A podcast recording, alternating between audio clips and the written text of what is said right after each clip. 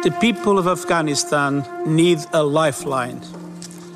After decades of war, suffering, and insecurity, they face perhaps their most perilous hour. Now is the time for the international community to stand with them. And let us be clear this conference is not simply about what we will give to the people of Afghanistan, it is about what we owe. De Taliban in Afghanistan vragen hulp. Investeringen, wederopbouwprojecten of elke vorm van humanitaire steun voor de regering of de burgers van Afghanistan zijn welkom, luidt het.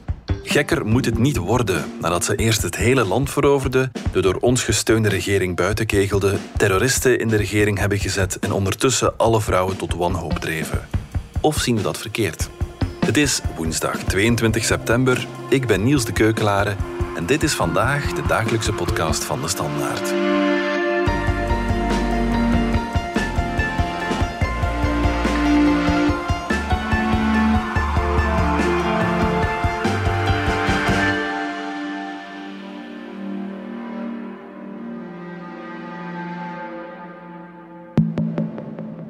Koen Vidal, chef van onze buitenlandredactie. Onze krant probeert natuurlijk eh, de situatie in Afghanistan nog te volgen.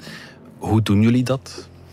Wel, naast de persagentschappen, uh, internationale kranten, mhm. eh, proberen we toch uh, zo'n direct mogelijk contact te leggen met bronnen ter plaatse. Ja.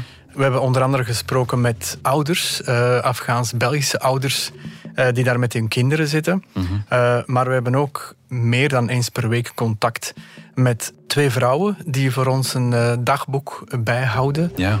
um, over ja, hun dagelijks leven, maar ook hoe zij de, de verandering en hoe zij de komst van de Taliban uh, beleven. Ja, een van hen heet Fauzia Kofi. Hoe beleeft zij die transitie? Wel, Fauzia Kofi is natuurlijk een bijzondere vrouw in de zin dat ze, ze is politica. As politicians, sometimes I feel embarrassed for representing a country which is so beautiful, you have to use um, other Muslim countries as a role model. Ze is een hele bekende vrouwenrechtenactiviste en ze was ook voor de vorige Afghaanse regering onderhandelaar met de Taliban. Dus een hooggeplaatste mm vrouw, uh, ook een half miljoen volgers op Twitter, dus uh, invloedrijk. Natuurlijk beschrijft zij heel scherp de, de achteruitgang sinds de komst van de Taliban, vooral in zaken vrouwenrechten. Now, all of a sudden, women only heard that, you know, that the world will leave Afghanistan um, without any proper responsible um, measures to ensure that institutions are preserved, democracy is preserved, women rights. En dat heeft uh, ja, ten eerste te maken met, met haar positie. Zij is eigenlijk van de ene dag op de andere buitenspel gezet um, op vele manieren. Uh, tegelijkertijd heeft zij enorm veel contacten met vrouwen, niet alleen in Kabul, maar eigenlijk over het hele land. En zij beschrijft ook wat die vrouwen haar vertellen. Een frappant voorbeeld is een, een ledares die ja, van de ene dag op de andere moest vaststellen dat ja, heel veel meisjes niet meer naar school mochten komen. Ehm, en dat er ook ja, een regeling uh, werd opgelegd door de, de plaatselijke Taliban zeker geen meisjes meer van boven de 14. Uh, eh, wat natuurlijk een rampzalige situatie is, want dat betekent elke vorm van iets hoger onderwijs, hoger middelbaar of later universitair onderwijs, is daarmee afgesneden. Ja. Ze vertelt dat de Taliban opnieuw conservatiever wordt, ehm, dat het lijkt alsof de verzoenende uitspraken intussen in rook zijn opgegaan. Ja, ja, zij gelooft niet in, uh, uh, om het even met een boetade te zeggen, een progressieve Taliban. Mm. Dat is een, ja, een luchtspiegeling, zegt ze. En ze kijkt natuurlijk ook naar de samenstelling van, van die regering en ziet alleen maar mannen, mm. ziet alleen maar uh, Pashtuns en ziet eigenlijk alleen maar de, de oude mannen van de vorige Taliban-regering. Dus op dat vlak ziet zij, ziet zij geen verbetering. Ja, ja. Over die nieuwe regering gaan we het straks nog hebben. Maar wat me ook opviel in haar dagboek is dat ze nog niet alle hoop verloren heeft. Dat klopt. En de vergelijking die zij maakt met het jaar 2000, 2001 is dat er binnen de Afghaanse bevolking toch veel is veranderd. De kritische massa, als ik het zo mag zeggen, is, um, ja, is wel steviger van intellectuelen, maar ook mensen die voor een stuk geproefd hebben van vrijheid. You know that women of Afghanistan were in the full front of promoting democracy, promoting equality, promoting a better, prosperous Afghanistan. That has no space for military extremists. We were in the full front of that in the last 20 years. En dan ja, zeker ook vrouwen die uit een zeer penibele situatie kwamen tussen 1996 en, en 2001. Ja. Um, ja, die toch vrijer konden bewegen, die ook uh, qua kleding uh, niet meer gebonden waren aan, aan die burka. Mm -hmm. En die jonge vrouwen, daar gelooft zij wel erg in. En zij zegt van ja, die gaan wel vermijden dat de klok wordt teruggedraaid. Ja, denk je dat dat zal lukken? Ik denk dat die kritische massa niet meer zal verdwijnen. Die is er. En je ziet dat ook in andere landen, zoals, zoals Iran, die verdwijnt zomaar niet omdat daar een repressief uh, regime bovenop komt uh, drukken. Maar ze zullen het natuurlijk heel moeilijk krijgen als je ziet wat er tijdens betogingen is gebeurd. En dat waren eigenlijk ja, heel voorzichtige betogingen. Ja. Um, ja, die worden zeer repressief aangepakt. Mensen worden gearresteerd, vrouwen uh, zijn daar ook zwaar aangepakt. Dat zal ook niet veranderen uh, op korte termijn. Je moet lef hebben om er te protesteren. Dat lazen we in het dagboek van Zainab, een jonge vrouw in Afghanistan. Bij het ontbijt kreeg ik van collega's een uitnodiging via Facebook. Er zou een betoging zijn in de stad voor de mensenrechten. We noemden het een stadsrevolte. Ik vroeg mijn vader toestemming om te mogen meedoen. Een van mijn broers werd woedend en reageerde fel. Betogingen, activisme, rechtvaardigheid, naar die woorden wordt niet meer geluisterd. Blijf maar thuis, want als jij naar zoiets gaat, zou dit ook voor ons een gevaar kunnen worden. Ja, het toont dat betogen en protesteren nu allesbehalve evident is hè, in Afghanistan. Wel, ik, ik, ik, denk aan de ene kant is het al een bijzonder sterk signaal dat mensen en dat veel vrouwen op straat zijn gekomen. Dat betekent dat er heel veel moed aanwezig is en dat zal niet zomaar verdwijnen. Mm. Um, het betekent ook dat er, en dan zeker in de steden, heel veel mensen op straat zijn gekomen omdat ze enorm veel te verliezen hebben. Ja. En dat gaat echt over essentiële dingen. Dat gaat over de vrijheid van vrouwen om te mogen bewegen, om zonder mannen naar hun werk te mogen komen, om zonder mannen te mogen winkelen, om zonder mannen naar hun favoriete park uh, te gaan. Die vrijheden hadden zij tot voor kort. Mm -hmm. Dat is een, eigenlijk van de ene dag op de andere afgenomen. En dat is iets dat je als mens en als vrouw niet accepteert. Mm -hmm. Ongeacht de repressieve machine die, die boven jou staat, mm -hmm. uh, met matrakken en, en, en wapens. Maar dat dat ga je nooit meer um, aanvaarden. Mm -hmm. Ja, dat lezen we ook in de dagboeknotities van Zainab. We luisteren naar enkele fragmenten. Ik ging met mijn moeder boodschappen doen. Waar meteen vroeg de winkelier, een oude, respectvolle man, aan mijn moeder: Heb je een man bij je? Nee, ik ben hier samen met mijn dochter, antwoordde zij. De man zei: We hebben bevel gekregen van de Taliban om niets te verkopen aan de vrouwen die geen mannelijke begeleider bij zich hebben. Anders kunnen wij bestraft worden. Op de terugweg wilden we door het park wandelen. Maar aan de ingang stond een Taliban, uitgerust met kalasjnikovs en andere wapens. Vrouwen niet toegelaten, snauwde een van hen naar mijn moeder, zodra ze een voet aan de ingang zette. Waarom? vroeg ze. Van 8 tot 12 uur is het voor de mannen, van 1 tot 4 uur in de namiddag voor de vrouwen. Deze woorden waren voor mij de ergste vorm van belediging. Een van de mooiste plekjes om in je vrije tijd te wandelen was ons in één klap afgenomen. Mijn moeder zei tegen me: De stad is ons afgepakt. Deze stad is een mannelijke stad met hoge muren tussen mannen en vrouwen. Ja, Koen, vertel eens, wie is Zainab, uit wier dagboek onze collega hier net voorlas? Zij is een uh, vroedvrouw uit uh, Mazari Sharif die vind ik op een heel sterke manier haar dagelijks leven beschrijft en hoe dat, dat uh, radicaal veranderd is uh, sinds de komst van de Taliban. Tot voor kort was zij iemand die haar ja, toch wel heel belangrijk beroep, vroedvrouw, mm -hmm. op een uh, zo goed mogelijke manier kon uitoefenen. vrouwen hadden geen schrik om naar haar praktijk of naar haar post te komen. Maar zij beschrijft op het moment dat haar stad Mazar-i-Sharif in handen van de Taliban valt, hoe van het ene uur op het andere vrouwen niet meer naar haar praktijk uh, durfden komen. Of die, die, die meteen ook al de boerka aandeden om toch maar een beetje veilig te zijn.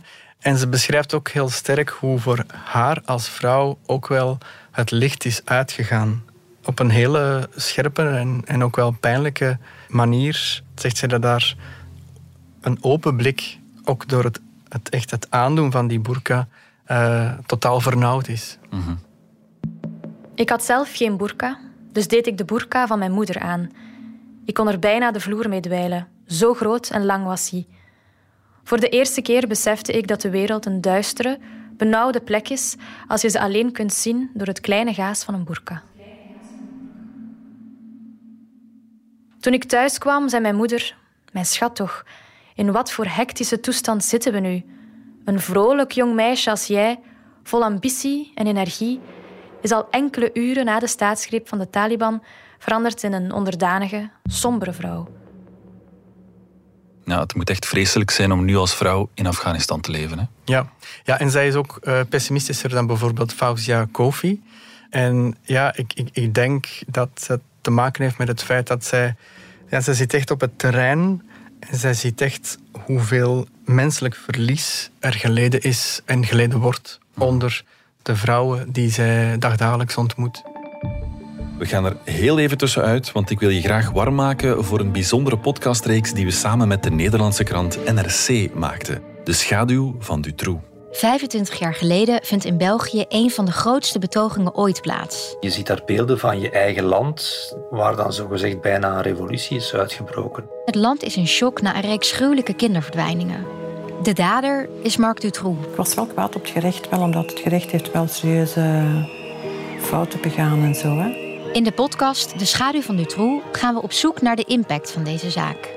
Luister naar De Schaduw van Dutroux, een podcast van NRC en De Standaard. Vanaf nu te beluisteren in jouw podcast-app. Koen Vidal, we hadden het over de positie van de vrouw nu de Taliban weer aan de macht zijn. Een van de cruciale factoren in de maatschappij is het onderwijs. Daar is nu ook heel wat veranderd. Het is nog onduidelijk in, in, ja, op, op welke manier dat uh, onderwijs terug gaat openen. Vrijdag verkondigde de Taliban de scholen gaan terug open voor jongens. Mm. Um, wat er met de meisjes moest gebeuren, dat werd niet uh, verteld. En dan zijn er twee theorieën. Zeg maar de, de minder harde theorie voor de Taliban is dat zij zeggen van ja, de meeste van onze strijders die komen van het front en die zijn eigenlijk niet in staat om vrouwen op een correcte manier te behandelen. Vandaar dat we de meisjes, om uh, de meisjes te beschermen, binnen moeten laten. Okay. Um, ehm, maar een, een, volgens mij uh, meer plausibele en triste optie is dat zij toch in vergaande mate uh, beperkingen zullen opleggen aan het uh, onderwijs voor mm. meisjes. Je hoort wel dat er een, een aantal scholen nu ook meisjes toelaten sinds vrijdag, maar wel op een gescheiden manier. Dus uh, niet meer gemengd. Dus bijvoorbeeld een school geeft onderwijs aan jongens in de ochtend, in de namiddag aan meisjes. Mannelijke leerkrachten mogen alleen voor jongens staan, vrouwelijke leerkrachten enkel voor meisjes. Maar het gaat om beperkt, een beperkt aantal scholen. Mhm. Hoe het zit met de rest van de scholen, dat is heel onduidelijk. En je hoort toch ook meer en meer dat meisjes, oké, het lager onderwijs tot een bepaalde graad, het middelbaar ja, tot 14 jaar, maar je hoort wel dat het erg moeilijk zal worden voor meisjes die dan nog verder willen studeren, mhm. dat daar de rem op wordt gezet en dat dat niet meer geaccepteerd zal worden. Een belangrijke verandering toch ook wel is dat in de, de vorige Afghaanse administratie had je echt een ministerie van vrouwenrechten. Mhm. Dat ook enorm toekeek op de rol van de vrouwen in de samenleving, maar zeker ook op het um, onderwijs voor meisjes. Daar zijn alle vrouwen ontslagen en dat ministerie of, of um, die instantie is ook van naam veranderd. Dat heet nu het ministerie voor Zedenzaken. Okay, uh, En de rol van dat ministerie is nu eigenlijk toekijken dat meisjes de correcte kleding, dus de burka dragen, en dat ze zich ook niet vrij bewegen in de samenleving. Ja, we hebben het net al even aangeraakt, maar de Taliban hebben nu wel degelijk een regering op de been gebracht. Wat leren we daar nog uit, behalve dat er geen vrouwen in zitten? Wel, er was even de hoop dat het een uh, zogenaamde inclusieve regering ging worden. Dat doelde me inderdaad op vrouwen, maar ook andere gemeenschappen binnen het land. Mhm. Maar als je kijkt van wat is het nu geworden, dan, dan zie je eigenlijk een heel gesloten regering. Als er al sprake is van inclusiviteit, dan gaat het over inclusiviteit van alle fracties van de Taliban, die er netjes in vertegenwoordigd zijn. Maar ja, de rest van het land is eigenlijk buitenspel gezet. En je ziet zelfs binnen de huidige regering heel veel spanningen ontstaan. Ja, en er zitten zelfs mensen in die wij terroristen noemen. Ja, eh, er zitten verschillende ministers uh, in die regering die op de VN-sanctielijst uh, staan. Dus ja, dat is natuurlijk ook wel een, een, een dilemma. Mhm. Bijvoorbeeld voor de VN, van ja, gaan we daar nu mee praten? Of ja, die staan op onze sanctielijsten, wat gaan we daar nu in godsnaam mee doen? Mm wat zijn nu de grote uitdagingen voor die regering? Wel, een, een cruciale factor en een cruciale bedreiging voor die regering is een nakende hongersnood uh, die mogelijk 14 miljoen mensen uh, zal treffen. Een cruciale maand daar is oktober omdat dan, ja, dan komt de sneeuw. Uh, dus dan, dan worden ook de, de, de leefomstandigheden zeer penibel. Mm -hmm. de tarweoogst is voor een groot deel mislukt. Dus die situatie is, is eigenlijk bijzonder dramatisch. En als de regering daar niet op een of andere manier daar een, een soort ja, um, oplossing of, of, of die nood kan verzachten, of, of de mensen gewoon, ja, het gaat eigenlijk om de mensen voedsel mhm, geven. Mhm. Als dat niet lukt, gaat er wel enorm veel onvrede en, en, en ongeluk uit voortkomen. En dan gaat die regering toch uh, geconfronteerd worden met een enorm probleem. Ja, en het armoedeprobleem is ook bijzonder groot. Hè? Ja, ongeveer de helft van de bevolking leeft onder de armoedegrens. Zowel in de steden als op het platteland. Dus ja, de, de onvrede is nu al groot. Als daar de komende weken en maanden geen verbetering in komt, ja, dan, dan, dan ontstaat er opnieuw een heel politiek explosieve situatie. En ja, ofwel gaat de Taliban dan uh, zeer hard beginnen optreden tegen het ongenoegen dat daar uh, door kan ontstaan. Mm -hmm. Ofwel uh, gaat de druk op de Taliban-regering zo groot worden ja, dat ze op een of andere manier toch in de problemen gaat geraken of geconfronteerd wordt met geweld van andere gewapende groepen en ja, andere ja. terreurbewegingen. Moeten wij dan op een of andere manier helpen? Nou, ik denk dat Europa, de VS, ook andere landen hun ogen moeilijk kunnen sluiten voor die enorme hongersnood die er dreigt aan te komen. Nu, er is al een donorconferentie geweest. Die heeft um, 1 miljard dollar opgeleverd. Mm -hmm. Dat is natuurlijk een groot bedrag. De belangrijke vraag natuurlijk is hoe dat we die humanitaire hulp ter plaatse gaan brengen. En op dat vlak heeft de Europese Unie deze week haar standpunt ingenomen. En dat is een heel voorzichtig standpunt in de zin van wij gaan niet rechtstreeks met de, de Taliban onderhandelen over politieke zaken hm. of over de hervorming van de economie. To have any chance of influencing events, we have no other options but to engage with the Taliban. Engaging doesn't mean recognition. Not. But engaging means talking, discussing and agreeing when possible. Nee, wij willen heel punctueel over de humanitaire operaties praten. Mhm. En de bedoeling van de Europese Unie is om een soort van ja, doorvoerluik te creëren voor die enorme hoeveelheden humanitaire hulp die nodig zullen zijn. Ja, ja, ja. Um, opdat die Taliban-regering daar eigenlijk niet aan kan. Dat die dus geen voedsel kunnen opeisen waarmee ze dan zelf een soort uh, machtsinstrument creëren. Mhm. De Europese Unie vraagt ook garanties aan de Taliban voor de veiligheid van alle humanitaire hulpverleners van het eh, VN-apparaat of van de internationale NGO's. En ze eisen ook dat bij de hulpverdeling dat daar ook vrouwen aan kunnen meewerken. Mhm. Ook niet onbelangrijk is dat de Europese Unie zegt van wij gaan onze diplomatieke post en voor wat betreft Afghanistan voorlopig niet in Afghanistan zelf zetten, maar vanuit Qatar, vanuit Doha laten opereren. Dus onze belangrijke diplomaten die gaan nog niet uh, in Kabul aan de slag. Maar houden we op die manier toch ook niet het regime in stand? Wel, ik denk dat de, de prioriteit momenteel, dat zijn die hulpoperaties. Mm uh, dat zijn gigantische hoeveelheden die naar Afghanistan moeten getransporteerd worden. En ook daar uh, is enorm veel geld mee gemoeid. Dus het, het, het veiligstellen van die konvooien, uh, van die tonnen aan hulp en van die miljoenen, miljarden aan financiële bijdrages. Ik denk dat het momenteel een kwestie is van, van prioriteiten stellen. En de absolute prioriteit voor Europa en ook uh, andere landen, zoals de VS, is het, is het vermijden van die uh, humanitaire ramp. Mm -hmm. um, daar zit ook voor een stuk eigen belang in, want um, door die humanitaire ramp te vermijden, hoopt men ook een vluchtelingenstroom te vermijden. En ja, men wil toch vooral ervoor zorgen dat die enorme humanitaire operaties, en dat betreft uh, ja, miljarden euro's, dat betreft tonnen aan voedsel en medicijnen, ja, dat die niet verloren geraakt in de machine van de nieuwe regering. Mm -hmm.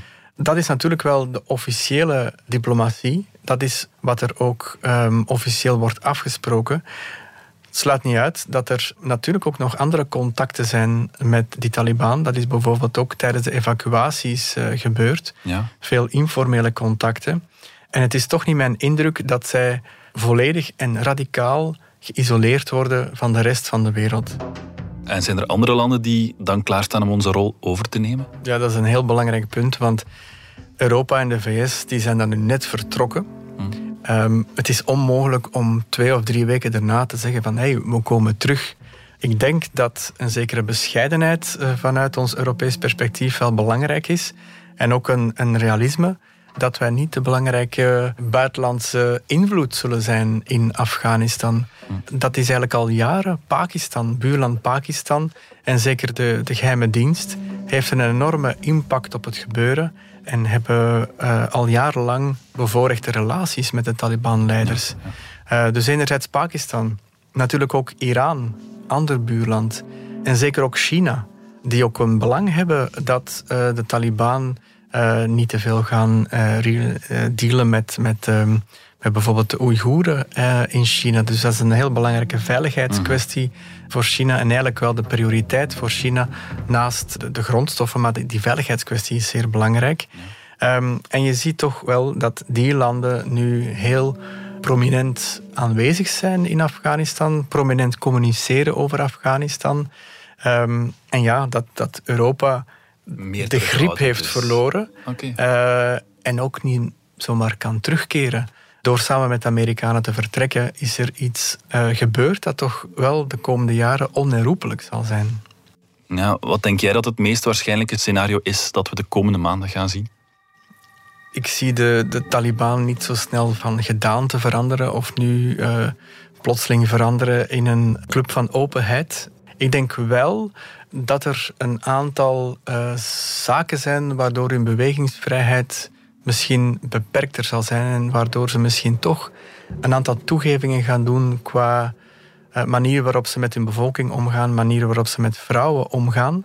Uh, ik denk niet dat dat spectaculaire dingen zullen zijn, maar bijvoorbeeld wel ja, die humanitaire hulp, die hebben zij echt nodig om in het zadel te blijven. Mm. Min of meer goede relaties met omliggende landen. Dat is ook heel belangrijk. En dan gaat het helaas niet over uh, vrouwenrechten of mensenrechten, want het is nu niet zo dat uh, Iran, Pakistan, China daar heel veel eisen zullen stellen. Maar voor die landen is uh, stabiliteit en veiligheid wel een cruciale factor. Dus de Taliban zal daarvoor moeten zorgen. Mm. en in die zin worden ze toch wel gedreven om op zijn minst stabiliteit na te streven.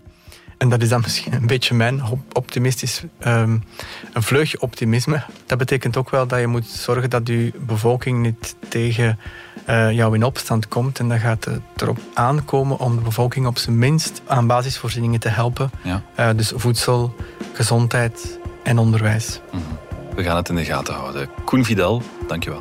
Graag gedaan. Dit was vandaag de dagelijkse podcast van de Standaard. Bedankt voor het luisteren. Ken je trouwens DS Podcast al, de podcast-app van de Standaard? Daar luister je niet alleen naar onze journalistieke reeksen, je krijgt er ook elke week een eigenhandige selectie van de beste nieuwe podcasts op de markt. Alle credits van de podcast die je net hoorde vind je op standaard.be-podcast. Reageren kan via podcast.standaard.be. Morgen zijn we er opnieuw.